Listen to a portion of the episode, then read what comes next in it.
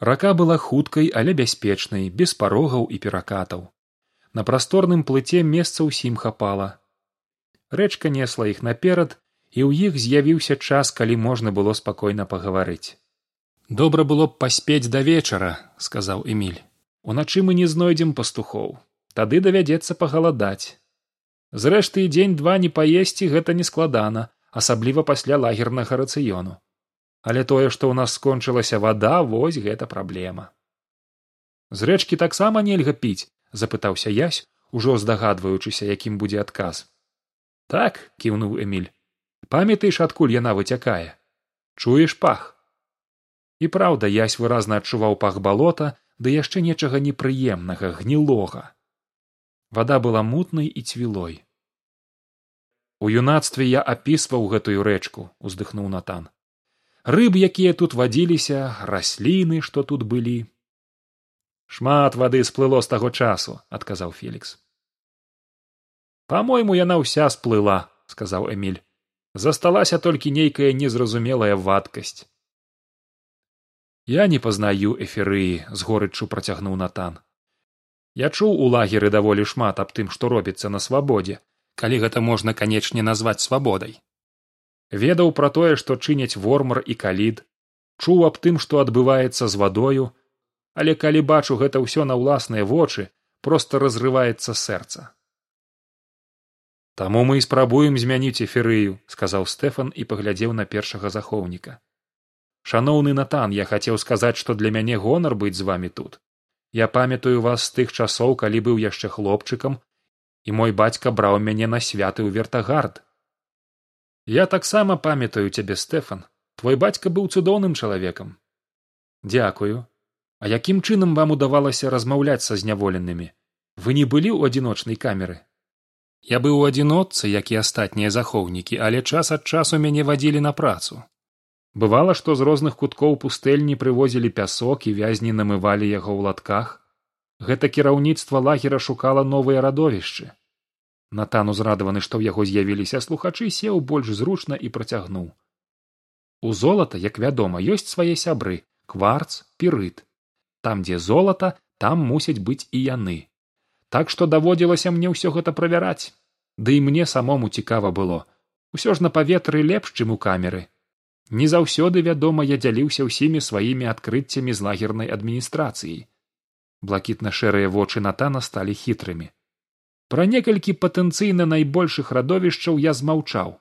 Спадзяюся яны яшчэ спатрэбяцца свабоднай эферыі усе хто сядзеў на плыце засмяяліся. Вам давялося адсядзець так доўга пасля паўзы азваўся эмиль з самага першага дня калі вормар напаў на арыстарха і сямёг захоўнікаў? Так я шмат разоў узгадваў той дзень. У турме як ты сам ведаеш дастаткова часу для ўспамінаў часта я думаў пра тое што прадбачыць той напад мы цалкам маглі. Перад тым ужо хадзілі чуткі пра нейкага вормара які рабуе ў лесе ды падбухторвае людзей супраць арыстарха. Толькі ўладар глядзеў на ўсё гэта скрозь пальцы не ўспрымаў сур'ёзна. Не любіў вайны і звадак. Ды і мы таксама не паклапаціліся пра нашу агульную бяспеку.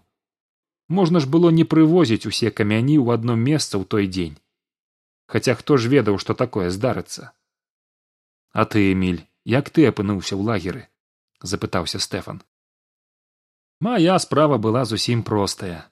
Якраз у той год як я атрымаў ад свайго бацькі смарагд калі тата ўжо зусім саслаб я зрабіў рукапісную кніжачку сваіх эпіграмаў пра вормара. Вось за яе мяне і пасадзілі. Ведаю што людзі перапісвалі гэтую кніжку самі шмат дзе. Хаця канечне для вормара гэта была толькі падстава адправіць мяне ў турму за абразу ўладара а ты фелікс што скажаш звярнуўся эмиль да таварыша ты ж таксама больш за дваццаць гадоў адбыў у турме палову свайго жыцця так і мне часам здаецца што я ўжо і не памятаю як жыў раней да арышту уздыхнуў фелікс тады падчас апошняй сустрэчы з арыстархам я быў самым малодшым а цяпер адчуваю што адвык ад свабоды. І шчыра скажу мне яшчэ трэба ачомацца каб прызвычаецца да новага жыцця у якім можаш ісці куды хочаш рабіць што хочаш. А што здарылася з тваім бацькам стэфан? запытаўся натан. У той дзень дзень перавароту мы разам з ім абаранялі выхад з залы ўладароў. Мы спадзяваліся што астатнія захоўнікі і арыстарх змогуць пакінуць замак. Я бачыў як забілі пятага. Затым мяне схапілі і пра лёс твайго бацькі я нічога не ведаю да гэтага часу мой бацька выратаваўся хоць яго паранілі ён добра ведаў палац яму ўдалося схавацца. Сцякаў крывёю і чакаў начы каб выбрацца з замку. Ён распавядаў што не спадзяваўся знайсці свайго каня але на шчасце знайшоў. Гэта бацьку і выратавала. Праз дзень конь прывёз яго дамоў непрытомнага. Мая маці ўжо ведаючы што здарылася схавала ўсю нашу сям'ю ў лесе і змагла выхадзіць бацьку усе наступныя гады мы мусілі хавацца у самых розных частках эферыі бацька памёр восем гадоў таму. Паміраючы перадаў мне сапфір. Стэфан паклаў руки на грудзі. І гонар быць захоўнікам. А як крышталь застаўся ў цябе запытаўся фелікс. Цябе ж схапілі і адправілі ў лагер у дзень майго арышту яны высачылі мяне і арганізавалі пагоню я бег ад іх па камяністым беразе ракі сарваў крышталь шыі і кінуў паміж камянямі пастараўся запомніць тое месца потым бег праз лес. Там яны мяне акружылі яны прачасалі ўсю тую паляну некалькі разоў калі ўбачылі што на мне няма сапфіра. Але безумоўна нічога ў лесе не знайшлі. Калі я збег з лагера я вярнуўся туды на рэчку. Шукаў камень два дні безвынікова і калі ўжо быў у поўным адчаі на світанку трэцяга дня на ўзыходзе сонца крышталь бліснуў мне сваім сінім вокам ля самай вады. Па меры таго як яны плылі на ўсход краявід змяняўся. Спачатку зніклі адкрытыя амаль без дрэваў прасторы. Пакрысе наваколле запоўнілі густыя лясы. Берагі ракі падняліся і цяпер ужо яны плылі ў шырокім каньёне верх і сцены якога былі парослыя кустоўем і нізкімі дрэўцамі язь даўно заўважыў што тут у эферыі краявіды мяняюцца вельмі хутка зусім не так як у яго на радзіме. Увогуле тут усё было не так як дома. Язь узгадаў што яшчэ зусім нядаўна іншы плыт прывёз яго сюды праз туман не пытаючыся пра ягоны выбар і не звяртаючы ўвагі на ягонае жаданне зусім нядаўна а здавалася што было гэта даўным даўно ён лёг на бярвенні паклаў руки за галаву і глядзеў як вецер гнаў кудысьці ў невядомую далечыню аблокі і як яны ціха плылі па небе. Плылі туды дзе заўсёдны супакой і дзе быў відаць іх дом. Раптам я зразумеў што тут яму не проста непрывычна а што тут усё па чужому там дома ўсё было звыклым і зразумелым. Там быў тата зімой там былі снегавікі а ўлетку вогнішчы. Паводка вясной і ярка жоўтыя лісты клёнаў на сінім небе ўвосень. Там ягоныя любімыя кніжкі. Там дома футбол з сябрамі. Там радасць. А тут толькі смярдзючая рэчка. Ён пастараўся думаць пра жывую ваду і пра тое, як яна патрэбная хворай мірцы, але тут як на злосць яму ў галаву пачалі прыходзіць усе ягоныя сумневы і прыкрыя ўспаміны апошніх месяцаў. мінулае лета было цудоўным яны з міркай ці не штодня гулялі па мястэчку жартавалі а часам разважалі на сур'ёзныя тэмы. Усё было нязмушана прыгожа і прыемна. Яны былі сапраўднымі сябрамі. Аднак калі вярнуліся ў горад у школу нешта быццам зламалася ясь усё ніяк не мог зразумець што менавіта. Не знаходзіў адказу. Проста бачыцца з міркай яны сталі не так часта.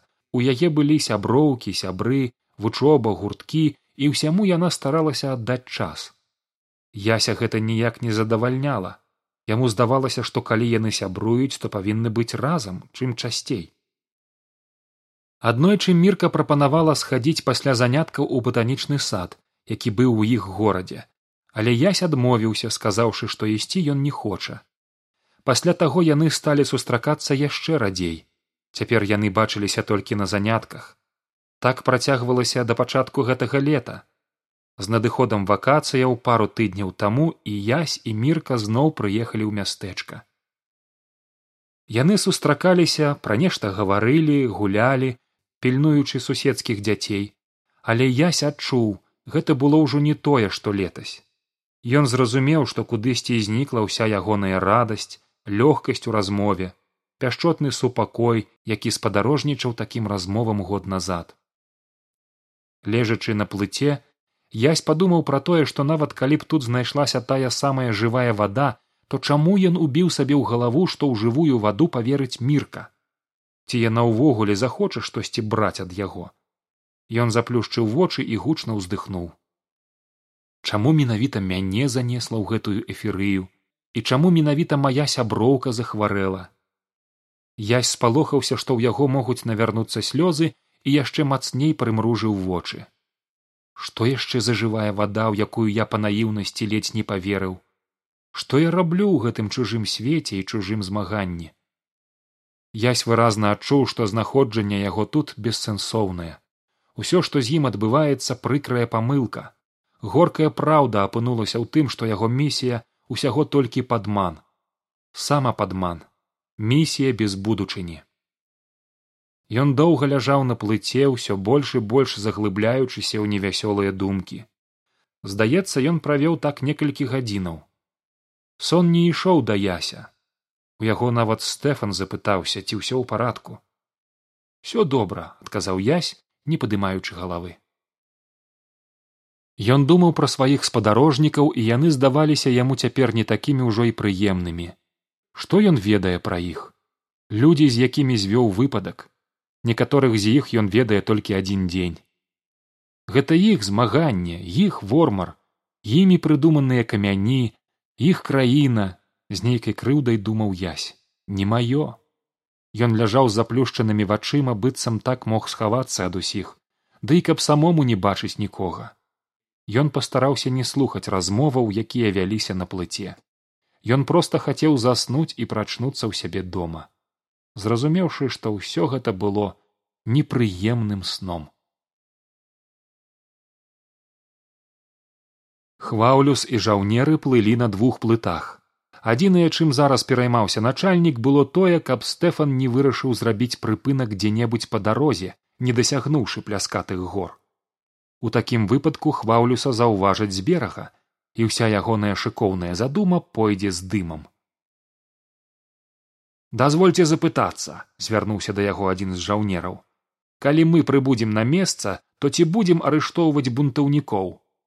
Мы так зразумелі што ў лісце сябру вормару вы паведамілі пра будучае месца начоўкі шостага.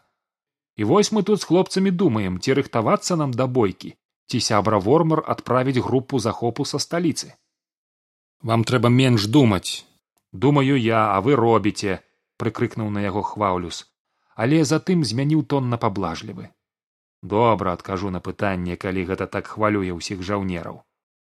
Як вы думаеце чаму начальнік я а не вы? Ён падняў палец. Таму што я ўмею думаць стратэгічна. Я пралічваю на некалькі крокаў наперад і ўсё гэта я раблю заўсёды толькі для дабра іншых. Вось паглядзіце. Ну што было б каб я адразу паведаміў сябру вормару пра месца начлегу шостага і яго банды? Пакуль мы падплылі іх бы ўжо арыштавалі. І якую б узнагароду атрымалі за гэта вы мае добрыя мудрыя і адважныя воіны? Ды ніякай. Таму я пра вас думаю пра ваша дабро пра справядлівасць пра ўдзячнасць народа эферыі якая мусіць быць матэрыяльнай. Вы ж мне як дзеці. Жаўнер зашморгаў носам і пусціў шчырую слязу. Хваўлюс між тым працягнуў ужо жорсткім камандзірскім голасам. Таму тлумачу яшчэ раз. Мы палявалі за шостым два гады цярпелі цяжкасці і пакуты. Мы патрапілі на ягоны след мы сочым за ім а значыць менавіта мы павінны арыштаваць усю гэтую хеўру і адпаведна атрымаць удзячнасць сябра вормара. Таму сёння мы не будзем на іх нападаць. Мы будзем сачыць за імі а пазней схопім усіх і збавім нашу эферыю па левую руку пачыналіся горы. Яны сапраўды былі пляскатымі выглядалі так быццам нехта зрэзаў іх вяршыні аграмадным ножом па тым як усе ажывіліся язь зразумеў што месца высадкі ўжо блізка. Руд пільна разглядала берагі і ўрэшце сказала спыніцца. Гэта тут! Яны саскочылі на бераг і выцягнулі плыт. Горы што ўздымаліся над імі былі не такімі высокімі каб мець снежную шапку але тым не менш дастаткова ўнушальнымі асабліва калі язь уявіў што ім трэба будзе ўзлазіць на самы верх. Руд павяла ўсіх за сабой. Гэты схіл на іх шчасце быў спадзісты і ўздымацца было нескладана. Яны ішлі працяглы час і цені станавіліся ўсё больш доўгімі. Здавалася што мясцовасць была зусім не абжытаю цалкам бязлюднаю. Ні сцяжынак ні жытла але вось недзе далей вечаровую цішыню парушыла бляянне статку ды звон званочкаў. Яны пайшлі на гэты гук і ў хуткім часе да іх з за ўступу выбегла авечка. Ну колькі разоў табе казаць не адбівайся ад статку пачуўся чысці голас. Адтуль жа выйшаў чалавек пажылога веку з торбай праз плячо кіем у руках ды ў капелюшы з шырокімі палямі. Ён здзіўлена спыніўся убачыўшы не толькі авечку але яшчэ і паўтузіна людзей. Та горла ўрут сціснулася і яна не змагла вымавіць гэтае слово але сабралася з сіламі і моцна моцна выкрыкнула. Тата! Стары пабег насустрач нязграбна няёмка. Ён спатыкнуўся і паваліўся на зямлю прыўстаў на калені дрыжачымі рукамі абапіраючыся на камяні і ў гэты момант да яго дабегла руд па шчоках старога пацяклі слёзы ён абдымаў руд і гучна не саромеючыся плакаў. Плакала і яна. Затым запанавала цішыня. Бацька і дачка стаялі на каленях абняўшыся. Гэта ты урэшце прашаптаў ён. Я татачка я гэта я! Кожны дзень я выходзіў сюды раніцай і вечарам. Спадзяваўся што калі небудзь убачу цябе. Хоць надзеі амаль не засталося і вось ты жывая дачушка. Яны падняліся і чалавек у шырокім капелюшы зірнуў на астатніх што засталіся стаяць здалёк. Вітаю піліп азваўся натан. Бацька рут прыжмурыў вочы стараючыся разгледзець нечаканых гасцей. Натан! Фелікс здзіўлена выгукнуў ён. Уся група падышла да яго ён абдымаў адной рукой дачку быццам баючыся што вось яна зноў знікне. Ці ж вы не ў лагеры ў пустэльні не верачы сваім вачам запытаў піліп. Як бачыш вырашылі памяняць краявід з акна і прыплысці да цябе засмяяўся натан. А гэта вашыя сябры? Так адказаў фелікс. Гэта сын шостага стэфан пяты захоўнік пасур'ёзніў маю гонар пазнаёміцца пачціва сказаў ён. Ваш бацька быў цудоўным чалавекам. Такіх людзей зараз не хапае дзякуй за добрыя словы я імкнуся быць такім як ён гэта эміль чацвёрты захоўнік працягваў фелікс. Гіман адзін з вязняў лагера. А гэта язь які хоць у гэта цяжка паверыць патрапіў да нас з за туману. Яго вынесла сюды на плыце пеліп працягнуўшы руку ад нечаканасці замёр на месцы. Гэта праўда? Ой выбачайце што я такое пытаюся! Ён збянтэжыўся і падаў руку. Даруйце старому чалавеку. Проста яшчэ ніхто ніколі толькі ў даўніх хроніках! Я разумею адказаў язь выбачайце я бачу вы стаміліся звярнуўся да ўсіх піліп. Не буду вас тут трымаць. Хадземце хутчэй наверх там і пагаворым глядзіце туды! Адзін з жаўнераў паказваў кудысьці ўніз па цячэнні на левы бераг і хваўлюс разгледзеў плыт.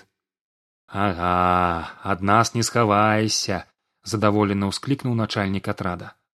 Яны прысталі да берага трохі далей выцягнулі плыты і надзейна схавалі іх сярод зарасцяў прыкрыўшы галлём.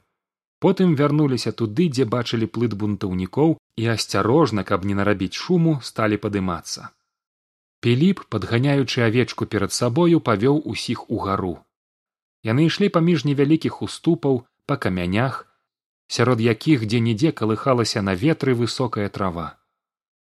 Ці ёсць лепшае месца для творчасці уздыхнуў эміль. Далей ад горада і тлуму ад турботаў ды інтрыгаў. Ці ж не згодныя вы са мной мае дарагія сябры што толькі тут сярод горных траваў ды сонца сярод статкаў дасевых камянёў і можа супакоіцца душа чалавека. Ды супакоіўшыся ахапіць сабою цэлы свет. Але не для ўласнай уцехі не а каб у іскрыстым як дыямент вершы у глыбокай як акіян музыцы ушчымлівай як заход сонца карціне выявіць паказаць іншым саму сябе. Бе рэхам адказала авечка і відаць не згаджаючыся затрэсла галавой па дарозе піліп спыніўся попрасіў астатніх пачакаць а сам узяўся падымацца на адзін з уступаў ён вельмі спрытна асабліва для ягоных гадоў узняўся на некалькі метраў дастаў нешта са сваёй торбы і прыставіў да скалы. Пачакаўшы хвіліну злез назад. У руках у яго быў медны збан поўны халоднай вады. Крынічка з любоўю як пра чалавека сказаў піліп нашае багацце быццам спецыяльна схаванае ад чужых вачэй са скалы выцякае і ў скалу ж вяртаецца. Ён падаў збан падарожным і тыя ўпершыню пасля адпачынку на галубінай пошце патрыка змаглі наталіць смагу. Калі чарга дайшла да яся ён піў нагбом вялікімі глыткамі. Засмяглыя вусны прагна хапалі сцюдзёную ваду зубы зводзіла ад холада і хоць нават тут ясь адчуваў прытухлы няправільны прысмак яму здавалася найвышэйшым шчасцем напіцца гэтай горнай вады. Піліп яшчэ раз набраў поўны збан прывязаў яго да пояса закрыў адмысловай накрыўкай і група рушыла далей. У хуткім часе яны выйшлі на горнае плато дзе пасвіўся вялізны статак. Авечкі былі спрэс цёмна карычневыя з доўгай воўнай. Насамрэч як убачыў язь статкаў было некалькі і ў розных месцах бяскрайняй роўнедзе ён заўважыў пастухоў мужчынаў і жанчын занятых сваёй справай. Там далей нашыя сябры яшчэ чатыры сям'і патлумачыў піліп. Усе яны таксама пастухі.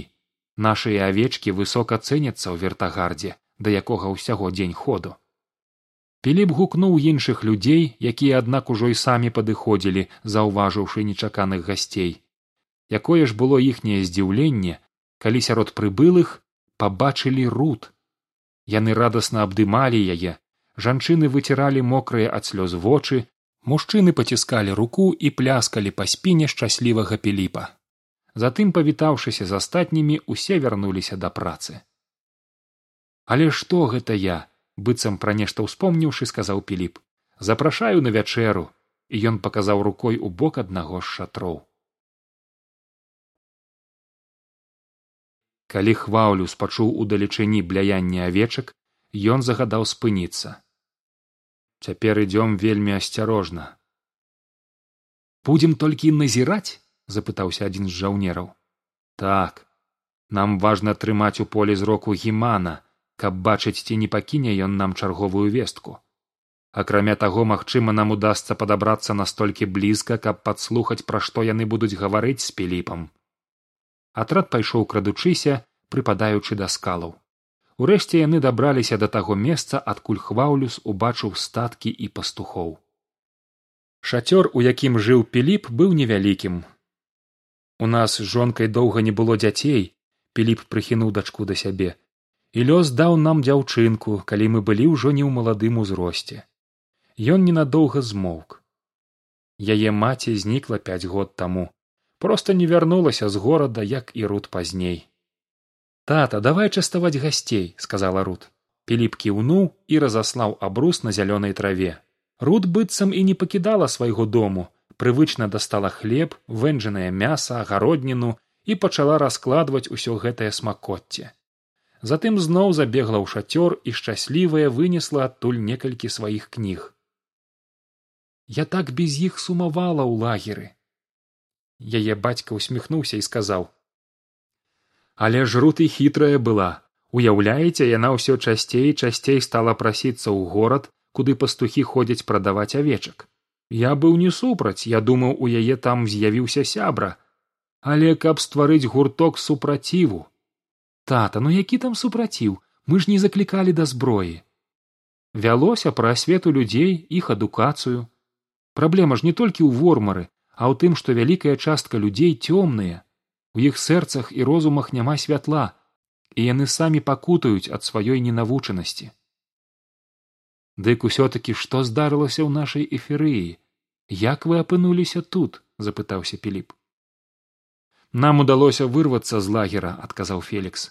Мала таго дзякуючы стэфану ясю і жыхарам чырвонай руды якіх сагналі ў лагер былі вызваленыя ўсе вязні не можа быць піліп быў відавочна здзіўлены гэтай навіной. Можа уступіў у размову стэфан. І зараз мы ідём да сталіцы. Мы рыхтуем паход на вертагард. Да нас далучацца тысячы жыхароў эферыі мы вернем на пасад уладара і зробім тое што ён хацеў зрабіць больш за ўсё. Знойдзем жывую ваду піліп быццам застыў. Твар яго здавалася стаў нават нейкім раззлаваным гэта ўсё ілюзіі адказаў ён нечакана рэзка. Перамагчы вормара нельга ну як жа нельга з рашучасцю ў голасе сказаў эмиль ён звычайны чалавек. Паглядзіце колькі людзей жадаюць каб яго ўжо не было. Усе яны прагнуць пераменаў. Ды і самі ўзгадайце як эферыя жыла раней я вельмі добра гэта памятаю. Але я стаміўся ад няспраўджаных надзеяў я ўжо стары чалавек і я хачу супакою. Пасля той трагічнай сустрэчы арыстарха з захоўнікамі мне і жонцы ўдалося схавацца тут у гарах сярод пастухоў і я ўжо не хачу іншага жыцця стэфан узрушана ўстаў. Але людзі хочуць! Прысядь стэфан не хвалюйся. Калі ён захоча ён сам усё памяняе я згодны гэта так але яму патрэбныя нашыя руки нашыя ногі урэшце наш розум. Яму патрэбна цярплівасць. Піліп за гэтым прыгожым словам людзі часам хаваюць сваё нежаданне рызыкаваць. Мы не ведаем што і як упарта адказаў стары. Але ў вас не атрымаецца пачакайце піліп прымірэнчым тонам працягнуў стэфан не спяшайцеся з адказам. Я вельмі спадзяваўся што вы далучыцеся да нас. Мы ж дзеля гэтага і плылі сюды не думаю што мне вельмі гэтага хочацца чаму? Я адышоў ад усяго я займаюся авечкамі. У мяне тут некалькі статкаў як так? У вас жа гіяцынт адзін з тых камянёў што не дасталіся вормару камень без якога немагчыма знайсці жывую ваду. Чалавек свабодны выбіраць. Ды няма ў нас такой свабоды калі справа ідзе пра эферыю ужо не стрымліваючыся ўсклікнуў стэфан. Вы ж не проста жыхар краіны вы захоўнік. Я ведаю. І менавіта таму што я захоўнік я не пайду з вамі. Не крыўдуйце на мяне я вас усіх шаную і перажываю за вас але пусціцца ў авантуру каб страціць камень я не магу. Я адказны за яго. Стэфан падпёр лоб далонямі апусціўшы галаву. Тата чаму ты так кажаш? Амаль плачучы звярнулася да бацькі рут. Ці ж цяпер не час каб нешта змяніць? Хай гэта малы шанец але ж ён ёсць! Эферыі так патрэбнае вызваленне ад усяго таго зла што творыць вормар і жывая вада рут зорачка не перашкаджай размове калі ласка. Вельмі цябе прашу.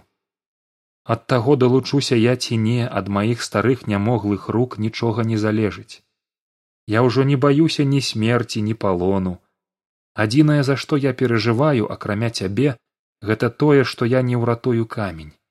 Я не хачу проста вось так падарыць яго вормару. Павісла паўза ясь разумеў што ўсе яго спадзяванні зараз разбурацца. Калі піліп другі захоўнік не ідзе значыць у іх не будзе сямі камянёў і значыць не будзе жывой вады. А наконт жывой вады руд не пераймайся. Калі прыйдзе час і не будзе ў нашай краіне вормара то новы справядлівы ўладар зможа зноў пачаць пошукі крыніцы. Вось тады свабодна і спакойна збяруцца ўсе захоўнікі і разам з ім паспрабуюць разгадаць таямніцу сямі камянёў. Але колькі гэтага чакаць тата? Яшчэ дваццаць гадоў трыццаць? Паглядзі што сталася за ферыяй што за гэты час пакуль кіруе вормар сталася з людзьмі? Паглядзі колькі з іх пачалі ілгаць колькі баяцца колькі расчаравалася. Руты адкуль ты можаш ведаць як яно было да вормара я можа і не ведаю але я добра памятаю што мне расказвала мама і я да гэтага часу веру яе словам. Піліп пахітаў галавою і абвёў поглядам сваіх гасцей. Сябры вы можете прымаць гэта ці не але я вырашыў я не іду з вами і я маю надзею што гэта правільнае рашэнне